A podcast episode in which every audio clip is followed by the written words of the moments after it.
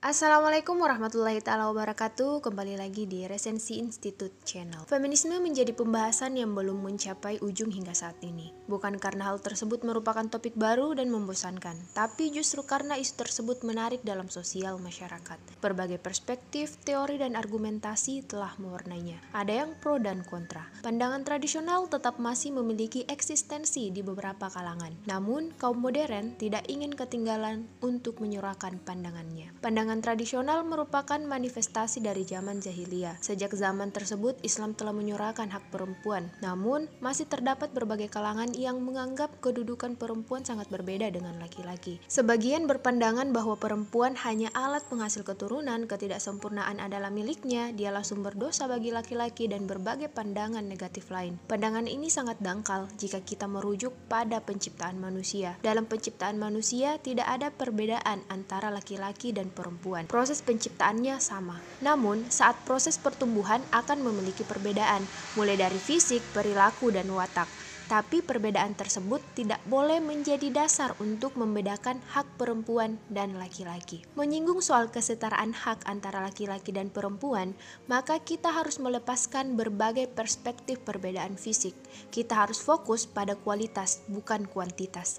Karena jika dalam memperjuangkan hak kita merujuk pada kuantitas, kesetaraan tidak dapat tercapai. Rujukan untuk kesetaraan hak harus dilihat dari satu hal yang dapat dicapai oleh laki-laki dan perempuan tanpa ada kerugian bagi salah satunya, yaitu kualitas. Kualitas yang dimaksud di sini adalah intelektual pengetahuan dan berbagai hal yang berkaitan dengan akal pikiran manusia. Kualitas seseoranglah yang menentukan tempatnya di berbagai lingkungan sosial. Kesetaraan ini dibahas lebih jauh lagi dalam buku Filsafat Perempuan dalam Islam karya Murtada Murtahari yang menjelaskan melalui berbagai pandangan tentang feminisme. Kesetaraan hak bagi laki-laki dan perempuan bukan berarti keduanya memiliki kesamaan hak atau identik, melainkan bagaimana perempuan memperoleh haknya sesuai kapasitas yang dimilikinya. Pandangan Barat senantiasa menganggap Islam merendahkan kedudukan perempuan karena hanya laki-laki yang boleh melakukan talak, melakukan poligami, dan menentukan pernikahan putrinya. Hal tersebut hanya sebuah pandangan sepintas, tanpa ada pendalaman sesungguhnya. Dalam Islam, perempuan dapat mengajukan cerai. Dalam melakukan poligami, sang suami harus mendapat izin dari istri dan dalam hal pernikahan, seorang perempuan memiliki hak untuk menolak. Islam tidak pernah membatasi hak perempuan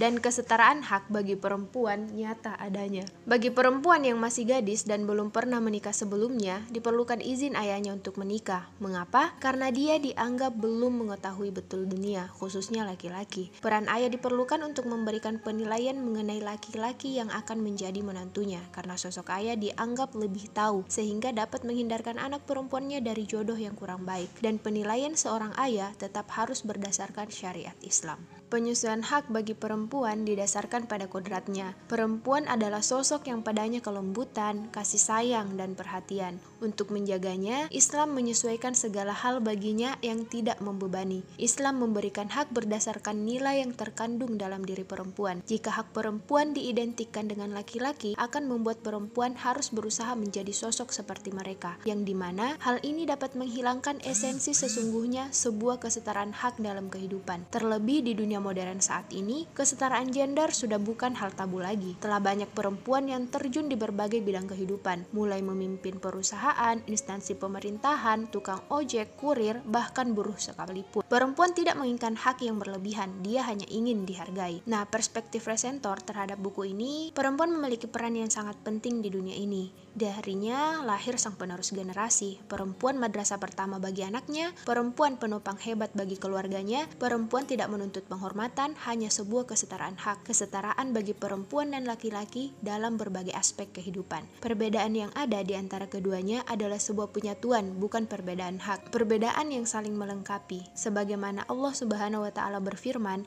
kami telah menciptakan kalian berpasang-pasangan. Walaupun di kehidupan modern dianggap hak-hak perempuan telah tercapai melalui berbagai regulasi yang dibuat pemerintah, namun kita tidak boleh lengah dengan pengaruh barat yang menganggap hak sebagai sesuatu yang membuatnya dapat melakukan segala sesuatu untuk memperjuangkan haknya. Ada batasan dalam menjalani hidup, sebagaimana kita memiliki hak dan kewajiban masing-masing. Islam mengajarkan kita untuk menghargai hak orang lain selagi kita memperjuangkan hak pribadi. Kesetaraan hak bukan keidentikan hak yang diinginkan. Kesetaraan memberikan hak sesuai proporsi berdasarkan kualitas individu. Sekian, ada pertanyaan?